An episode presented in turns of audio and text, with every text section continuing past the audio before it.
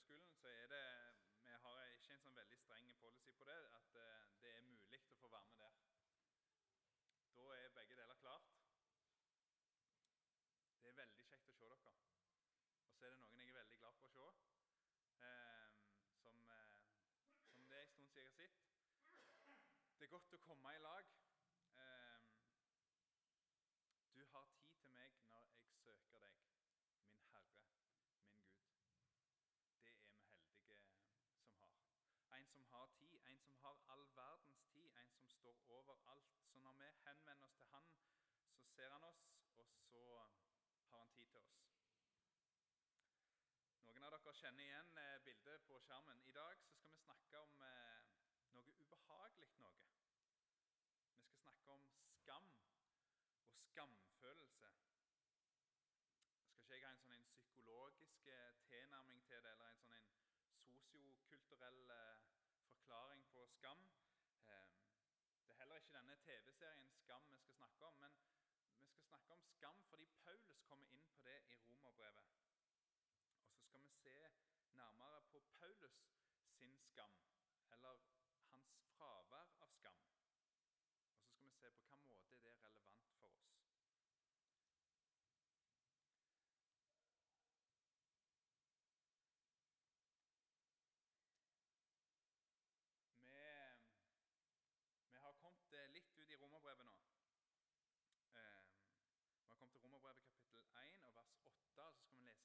8-17. og I dag skal vi lese det eh, før jeg sier noe om eh,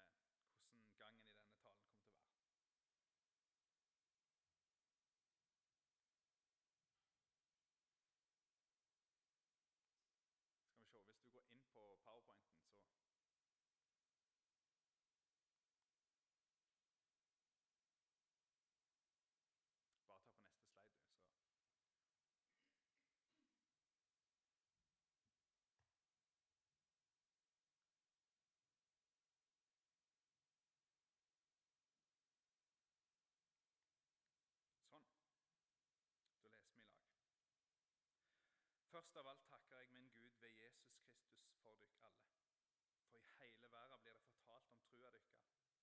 Gud sjøl, som jeg av hele mitt hjerte tjener med evangeliet om Hans sønn, er mitt vitne på hvordan jeg uavlatelig husker på dere i bønnene mine. Jeg ber alltid om at det endelig en gang må lukkes for meg å komme til dere, om Gud vil. For jeg lengter etter å se dere, så jeg kan gi dere del i ei andens gave for å styrke dere. Eller rettere, sammen skal vi få nytt mot ved den trua vi deler, dykker tru og mi. Jeg vil ikke at det skal være uvitende, mine søsken, om at jeg mange ganger har sett meg føre å komme til dykk, men jeg har blitt hindra helt til nå. For òg hos dykk vil jeg gjerne høste frukt av arbeidet mitt, slik som hos de andre folka. Grekere og barbarer, lærde og ulærde, alle står jeg i gjeld til. Derfor er det jeg ønsker, ønsker å forkynne evangeliet òg for dere i Roma. For jeg skammer meg ikke over evangeliet. Det er ei Guds kraft til frelse for hver den som tror, jøde først og så greker. For i det blir Guds rettferd åpenbæra av tru fra først til sist, som det står skrevet, den rettferdige skal leve ved tru. For de av dere som har eh, hørt meg tale tidligere, så ser dere at eh, i dag så har jeg gjort en radikal endring i eh, måten talen skal være. I dag er det fem punkter og ikke tre. Eh, før du går i kjelleren av den grunn og begynner å tenke og telle på knappene på hvor lenge dette varer, så kan jeg si at disse, de fleste av disse punktene kommer til å være ganske korte. Hvis dere ser på både overskrifter som hadde, og disposisjonen som er her, så ser vi at vekta som vi skal ta fram her, det er, det er i vers 16 og 17. Og Vi skal særlig se på det som Paulus sier om skam. Så har jeg ikke lyst til at vi bare skal hoppe over alle de versene som er før det. Derfor skal jeg kort gå gjennom og igjen i det som Paulus snakker om her. Og så skal vi prøve å trekke fram noen sånne hovedpoeng. Er det noen ting her som vi kan ta med oss? Det skal vi gjøre fordi det er verdifullt, og vi trenger det. Og så, så hadde det fortjent mer tid. Etter jeg har gjort det, så skal vi stoppe litt opp og så skal vi se på hva Hva er skam egentlig for noe? Når Paulus sier at han ikke skammer seg, hva det han ikke gjør da? Hva ligger i begrepet skam? Og Etter det så skal vi se at det, det, er i hvert fall to ting som Paulus ikke skammer seg over. Før vi skal gå inn på hvorfor er det Paulus ikke skammer seg. Og Helt til slutt så skal vi prøve å finne en måte å håndtere vår eventuelle skam Vi folder hendene, og så ber vi i lag. Takk, far, for ro. Takk for at du møter oss. Takk for at du har tid til oss. Takk, kjære Jesus, for Paulus, som eh, ikke bare var et forbilde for oss, men som viste er et forbilde for oss. Kjære Jesus, du ser eh, hver enkelt av oss som er her, og du ser den skamfølelsen som vi kan kjenne på. Du ser det som er skamfølelse, som er usunt, og som, som du ikke vil, og som du tenker skal være vekke, som du vil fri oss ifra. Kjære Jesus, jeg ber om at du må være med oss og hjelpe oss å håndtere skammen vår. Så takker vi for evangeliet. Så ber vi om at vi må forstå litt mer av det i dag. Og så ber vi om å få ro. I Jesu navn. Amen. Ok. Nå forbereder vi oss på en, en kort gjennomgang av denne teksten og noen kjappe poeng. Paulus han takker Gud for romerne.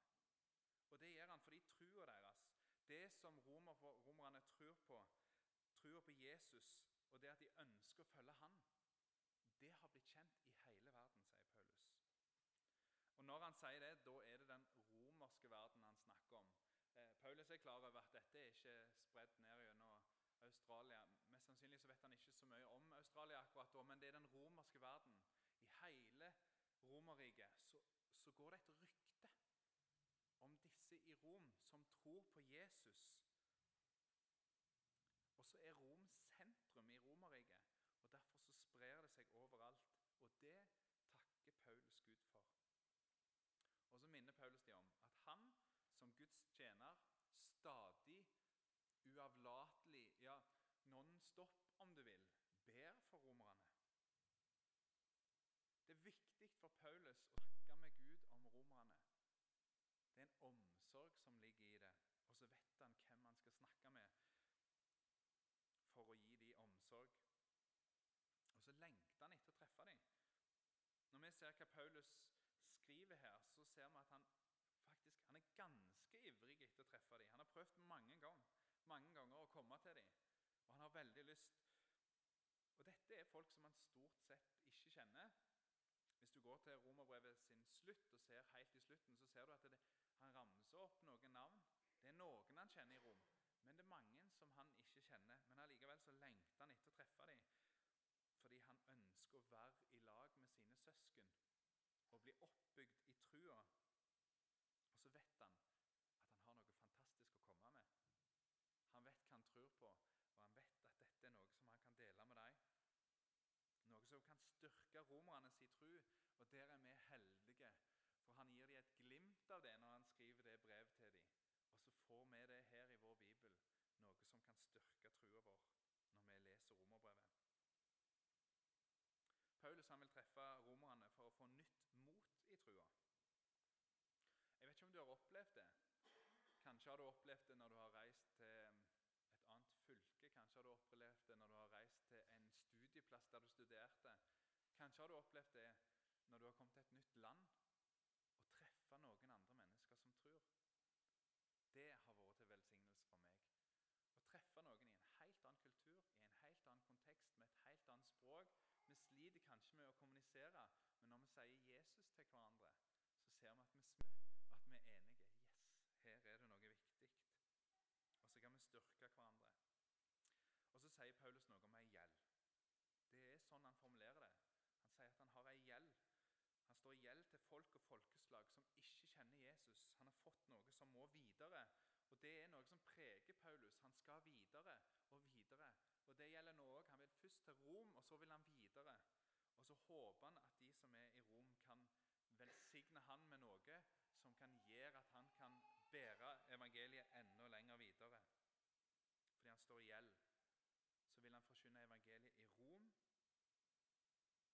For skammer seg ikke over evangeliet. Og da er vi kommet fram til dagens emne. La oss først ta et par definisjoner på hva skam er. Store norske leksikon har en definisjon her. og Jeg beklager på forhånd at de kun har denne på bokmål. Jeg har ikke sendt noen mailer, men hvis vi samler oss, så kan vi gi beskjed om at vi ønsker en nynorskutgave av Store norske leksikon. Ja. Skam. Sterkt ubehagelig følelse av å ha vist en nedverdigende side av seg selv og dermed avslørt seg selv som mislykket, Skam er nær knyttet til selvfølelsen og får en til å føle seg liten, med ønske om å skjule seg, synke i jorden. Skam gjør det vanskelig å opptre konstruktivt, men kan disponere for aggresjon rettet mot en selv eller tilfeldige andre. Skam er kjent fra alle kulturer og brukes iblant som et nokså uheldig virkemiddel i oppdragelsen. Skam bør ikke forveksles med skyldfølelse. Skyld er knyttet til handlinger og opptrer når man har gjort noe galt eller dumt.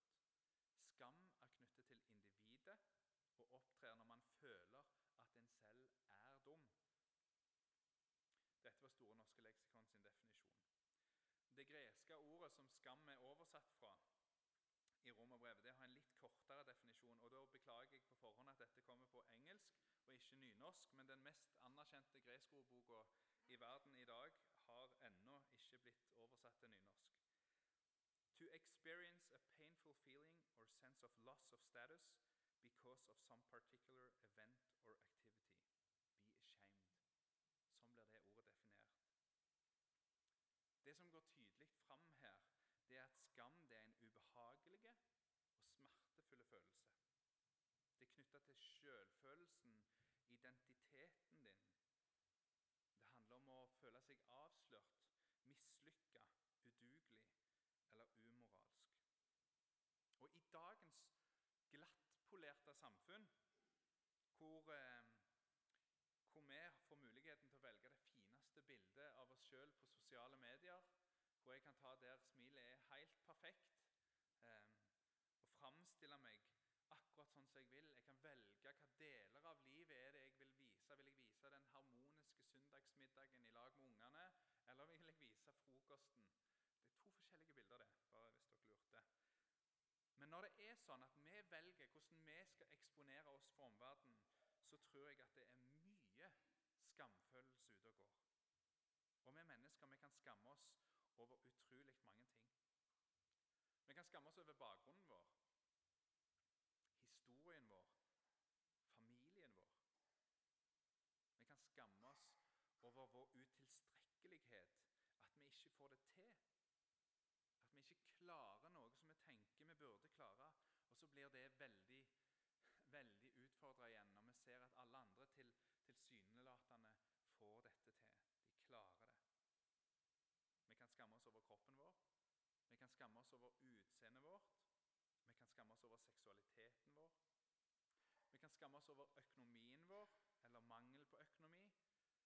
Kanskje kan vi til og med skamme oss over personligheten vår. Jeg skulle ønske jeg var en annen, at jeg ikke var den typen som jeg var. Vi kan skamme oss over mange ting og på mange nivå. Så jeg skal ta et litt lavt. Jeg er oppvokst på Fågen i Ryfylke, og det er nynorsk land. Eh, virkelig. Og, og bygdadialekta sto sterkt. Eh, og så kommer jeg der, og, og, eh, begge mine foreldre var fra Stavanger. Hvis dere ser for dere Ålesund, så blir det nok litt lettere. Og så snakket jeg som om jeg var fra Ålesund, eh, ja, i overført betydning, på Fågen. Og det var lite kult, altså. Så skulle jeg komme der og så skulle jeg si jeg skal på skolen i dag, eller eh, jeg skal hjem istedenfor heim og skole, eller eh, vil du lukke opp vinduet? Og så ser du glasset, mener du? Sånn, litt sånn, ja, fikk, eh, Det var ganske tydelig hvordan en skulle snakke. Og så, Det er en lavt nivå. sant? Ikke en viktig ting, men for meg så skamma jeg meg over det. Jeg ble på en måte utenfor fordi jeg snakket den dialekta. Men vi kan skamme oss ting som gjør mye mer vondt enn det. For noen år siden så var jeg i Tyskland så traff vi noen kristne, unge kristne der, og så satt vi snak og snakket i lag. Og Jeg er litt over gjennomsnittet frimodig, så jeg spurte litt hvordan de tenkte om det å vokse opp i Tyskland. Læreren min ble veldig stressa da. og Da tenkte jeg på nazihistorie og sånne ting. Og han tenkte nå Steffen spør du om ting som du ikke skal spørre om. Og jeg tror kanskje jeg gjorde det. Men da var de veldig ærlige. Og så fortalte noen der om, om det at etter bestefaren deres var død, så hadde de rydda ut av huset, og så hadde de funnet en velholdt, rensa og fin SS-uniform i skapet hans, som han hadde tatt vare på helt til han døde. Det er noe som sitter litt lenger ned i kroppen når du vet at bestefar var nazist og sto for det. Skamfølelse det er vondt. Og så kan vi skamme oss over troa vår. Og Det tror jeg blir mer og mer nærliggende etter hvert som samfunnet er i endring. Når vi som tror og bekjenner Jesus, blir færre, når vi ikke er majoriteten, når vi blir et fremmedelement i samfunnet vårt, så kan det føre til at vi kan skamme oss. Og Da skal vi se på Paulus, og så skal vi merke oss han var ingen majoritet. Men han skamma seg ikke over troa. Eller rettere sagt, han skamma seg ikke over evangeliet, de gode nyhetene. Det er to ting som Paulus ikke skammer seg over. Han skammer seg ikke over å evangeliet og dele evangeliet videre. Og så skammer han seg ikke over selve evangeliet. På en måte kan du si ja, men det er ikke det strengt tatt det samme. Jo, for så vidt så er det det samme. Disse to tingene henger veldig i lag. Men jeg tror det er mulig å ikke skamme seg over evangeliet, men allikevel å skamme seg over å forkynne evangeliet. I hvert fall i en norsk kontekst. I Norge i dag så tror jeg vi kan si at det er, en, det er egentlig en ganske stor toleranse for å ha ulike livssyn og religiøse overbevisninger. Det går helt fint at du tror på de gode nyhetene om Jesus. Så kjekt for deg at du er overbevist om dette. Men så er det på en måte ikke like greit å forkynne det og dele evangeliet. For da, da sier du jo på en måte at det jeg tror på, det tror jeg noe du òg skulle ha trodd på. Jeg vet ikke om dere eh, kjenner, har hørt Det er helt greit at du tror, men ikke prakk trua di på meg. Den typen holdning den kan gjøre at vi som kristne vi stilner av. At vi ikke våger å si hva vi tror på. Vi skammer oss over å forkynne evangeliet og dele nyhetene. Det skal vi komme tilbake til. Paulus han skammer seg ikke, verken over de gode nyhetene eller det å forkynne det. Tvert imot. Han er klar, og han har lyst og han ønsker å forkynne evangeliet i Roma, sånn, han, sånn han har gjort på hver eneste plass som han har vært på til nå. Så har han forkynt evangeliet og det med god grunn. Hva er det da som gjør at Paulus ikke skammer seg verken over evangeliet eller det å forkynne det? Sier han jeg skammer meg ikke over evangeliet fordi jeg er en så dyktig formidler. Jeg skammer meg ikke over evangeliet fordi folk flest er så mottagelige. Majoriteten så kjapt skjønner at ja, evangeliet er sannheten, og det ønsker jeg å følge. Jeg skammer meg ikke over evangeliet, for alle samfunnstoppene står for det. Eller fordi det enkelt lar seg endelig bevise at dette er sannheten. Jeg skammer meg ikke over evangeliet fordi det er en fengende historie. Jeg skammer meg ikke over evangeliet fordi det gir maks lykke jeg skammer meg ikke over evangeliet fordi disse nyhetene får meg til å framstå som kul, attraktiv, populær eller vellykka. Nei, det er ikke sånne ting Paulus trekker fram når han sier hvorfor han ikke skammer seg over evangeliet. Hvis du leser brevene av apostlenes gjerninger, så ser vi at Paulus han er ingen dyktig formidler. Han, han, er, han er dårlig retorisk. Han er ikke flink til å snakke han har virkelig ikke tjent seg rik på dette. Paulus han har blitt jaga ut av byer, han har blitt fengsla. Han har blitt støtt ut fra sine egne, jødene, de han hørte til. Og så er det sånn at det er mange det er mange av de som ikke er de skarpeste knivene i skuffa, eller de smarteste, som tar imot evangeliet. Ja, Paulus han sier faktisk at ordet om korset og evangeliet det er en dårskap for de som ikke tror. Det er på en måte tull og tøys. Noe som er for de uintelligente.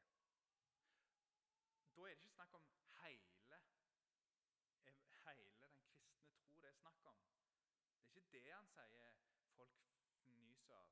Men påstanden om at det er en som dør på et kors for vår skyld, og så får vi hans rettferdighet, det blir tullsnakk for de som ikke tror, for de som ikke har fått tillit til Jesus.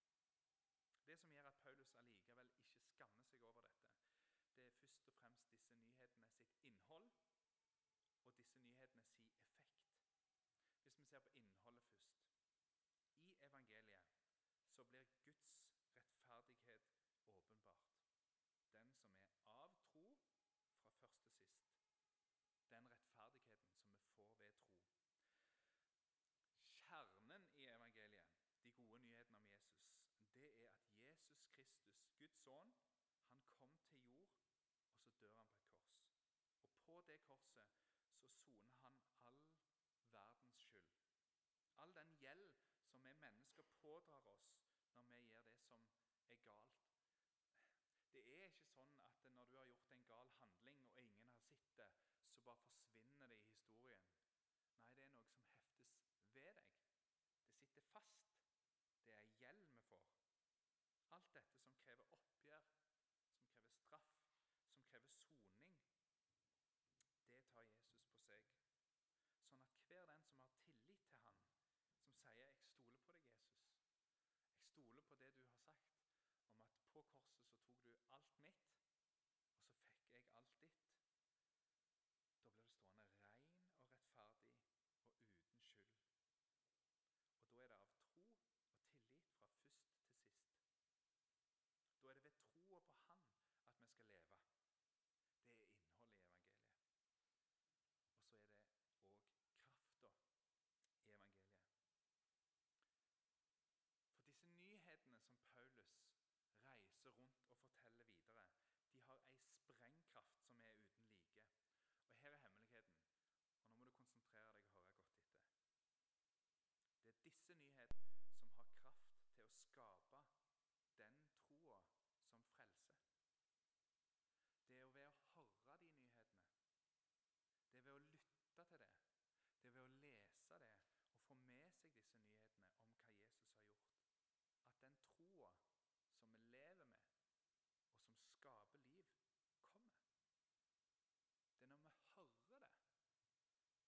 kommer. Det er når vi hører det, når du hører at Jesus tok de skyld på seg, så er det det som kan skape den tilliten som frelser. Om ingen fortalte noen ting om det som Jesus hadde gjort, så ville ingen blitt frelst. Guds rettferdighet hans gjerning, det han gjorde for oss den gangen, det hadde vært gjort, men det var ikke åpenbart for oss. Det var skjult. Paulus han skammer seg ikke over evangeliet fordi det er frelse. Det er det fantastiske som Gud gjorde han skal dele. Og så skammer han seg ikke over det fordi han vet at når jeg deler dette, når jeg sier dette, så har disse nyhetene en kraft i seg sjøl som, som, gjør at stadig nye kan komme til tro. På grunn av nyhetene, ikke hans elendige retorikk, men fordi han, han kommer med det budskapet. Takk og lov for at Paulus ikke skammer seg, tenker jeg.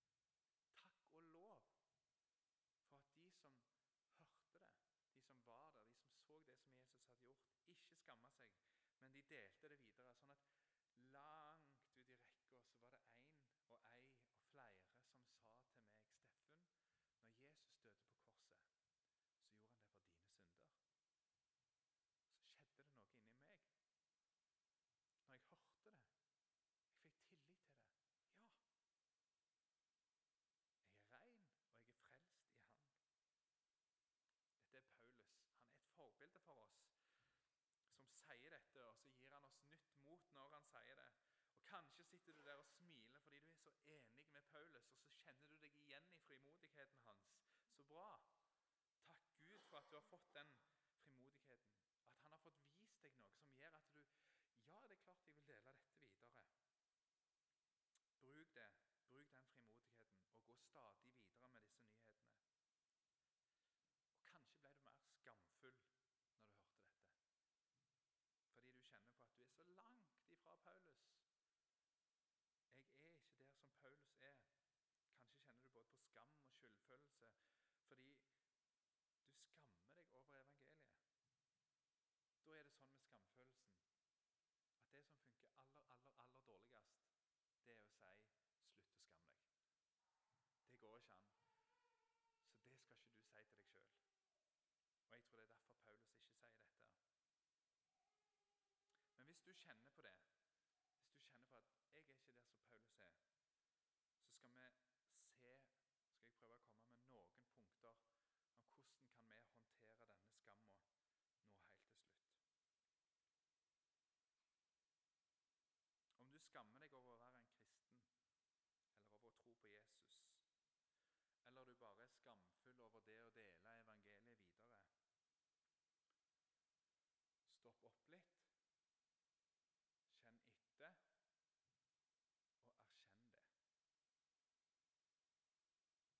Stopp opp. Og Det får du ikke gjort i løpet av dette møtet i dag. Ta det med deg hjem, stopp opp og kjenn etter. Og på en måte erkjenne at ja, det gjør jeg faktisk. Skam det, det skal vi ikke bare stue til sides og prøve å unngå å se på. Det er noe som vokser i mørket. Men stopp opp og finn ut hva er det som gjør at du skammer deg. Hva er grunnen til at du skammer deg? Våg å gå inn i det og tenk på det. Hva er det du er redd for at andre tenker om deg? For ofte så er skamfølelsen vår knytta til det hva vi tenker andre tenker om oss. Kanskje du er redd for å bli stempla som en historisk severdighet. Et eller annet fra fordums tid, sånn som de gjorde helt langt tilbake på 80-tallet. Ja, det er litt så fort det går. Kanskje er du redd for å framstå som eh, dum uintelligent. Kanskje er det det at du syns det er pinlig at, at du som et voksent menneske skal innrømme og si 'Jeg får det ikke til. Jeg fiksa ikke dette. Jeg trengte en frelser, og Jesus er min frelser.' Kanskje er det det som gjør deg skamfull.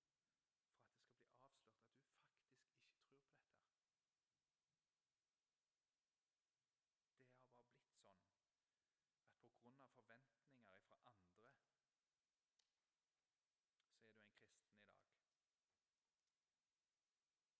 Kanskje er du redd fordi du syns du er et dårlig eksempel på en Jesu disippel. Og så syns du det er flaut og skamfullt at noen skal se på deg, og så skal de tenke og assosiere deg med den fantastiske frelseren du har. Denne skammen kan være grunna i så mye. Stopp opp. Finn ut hva som skaper skammen. Og så sier du det til Jesus. Så snakker du med Jesus om det. Så sier du 'Jeg skammer meg', og det er derfor. Og så er Jesus en som lytter. Han har tid for deg når du søker Han. Han blir ikke sint eller redd for din skam. Det er ingen som kjenner deg så inn til margen som Jesus. Og så frelste han deg allikevel. Snakk med han og sett ord på det og be til han. Snakk i lag med andre kristne. Snakk i lag med søsknene dine. Jeg tror at vårt fellesskap er et fellesskap som har rom for hele mennesket. Som ikke bare har rom for det perfekte. Som er ute etter å hjelpe hverandre i dette her. Og ikke har et behov for å dømme hverandre. Derfor skal vi snakke med hverandre om dette, og så skal vi be for hverandre om dette. Og kanskje kan jeg si hvis du føler deg dum, så er det ei bok jeg leste når jeg òg følte meg dum. Det så følte jeg meg slettes ikke så dum lenger. Den var til nytte for meg, og den var til hjelp, og så kan jeg gi den til deg. På Forsamlingsviken som vi skal på, da skal vi helt konkret hjelpe hverandre med det å dele evangeliet videre. En sånn konkret øvelse. Trenger ikke bli redd av den grunn. altså. Det, det tror jeg blir bra. Stopp opp og tenk over hva skatt du går med i hendene dine. Hva var det som gjorde at Paulus ikke skamma seg? Han visste hva det var. Han visste at evangeliet det hadde kraft i seg bare din overtalelsesevne, men budskapet i seg sjøl har kraft til at folk kjenner syndenes forlatelse, tilgivelse. Det har jeg behov for, det trenger jeg. Budskapet har kraft i seg sjøl. Helt til slutt se på Jesus. Og, og Fryktelig ofte så er det mitt aller viktigste svar. Se på Jesus. Hvis du åpner opp Det nye testamentet og så leser du om han, så ser du hvordan vi egentlig skulle være. Han var god, han var rettferdig, han var modig, han var omsorgsfull, han var sann. Han er egoistisk, men han setter alt de andre først. Og så ofrer han seg 100 for de som ikke fortjener det. Jeg tror mange har hørt historien om Jesus og lest det og sett det, og så har de blitt skamfulle når de har sett Jesus, og så ser på sitt eget liv. Fordi de har sett at her er det en som er bedre enn meg. Og Sånn kan vi være skrudd sammen. At når vi ser noen som er bedre enn oss i noe, så kan vi speile oss, og skamfulle av det. Evangeliet, de gode nyhetene, da, det er at Jesus han kom ikke bare for å vise oss hvor dårlige vi er, men han kom for å leve et rettferdig liv for oss. Da skjer det med noe når du leser om hvordan Jesus er. Da ser du ikke bare at du ikke strekker til, om hvordan han er bedre enn deg, men du ser hva han gjør for deg, hvordan han er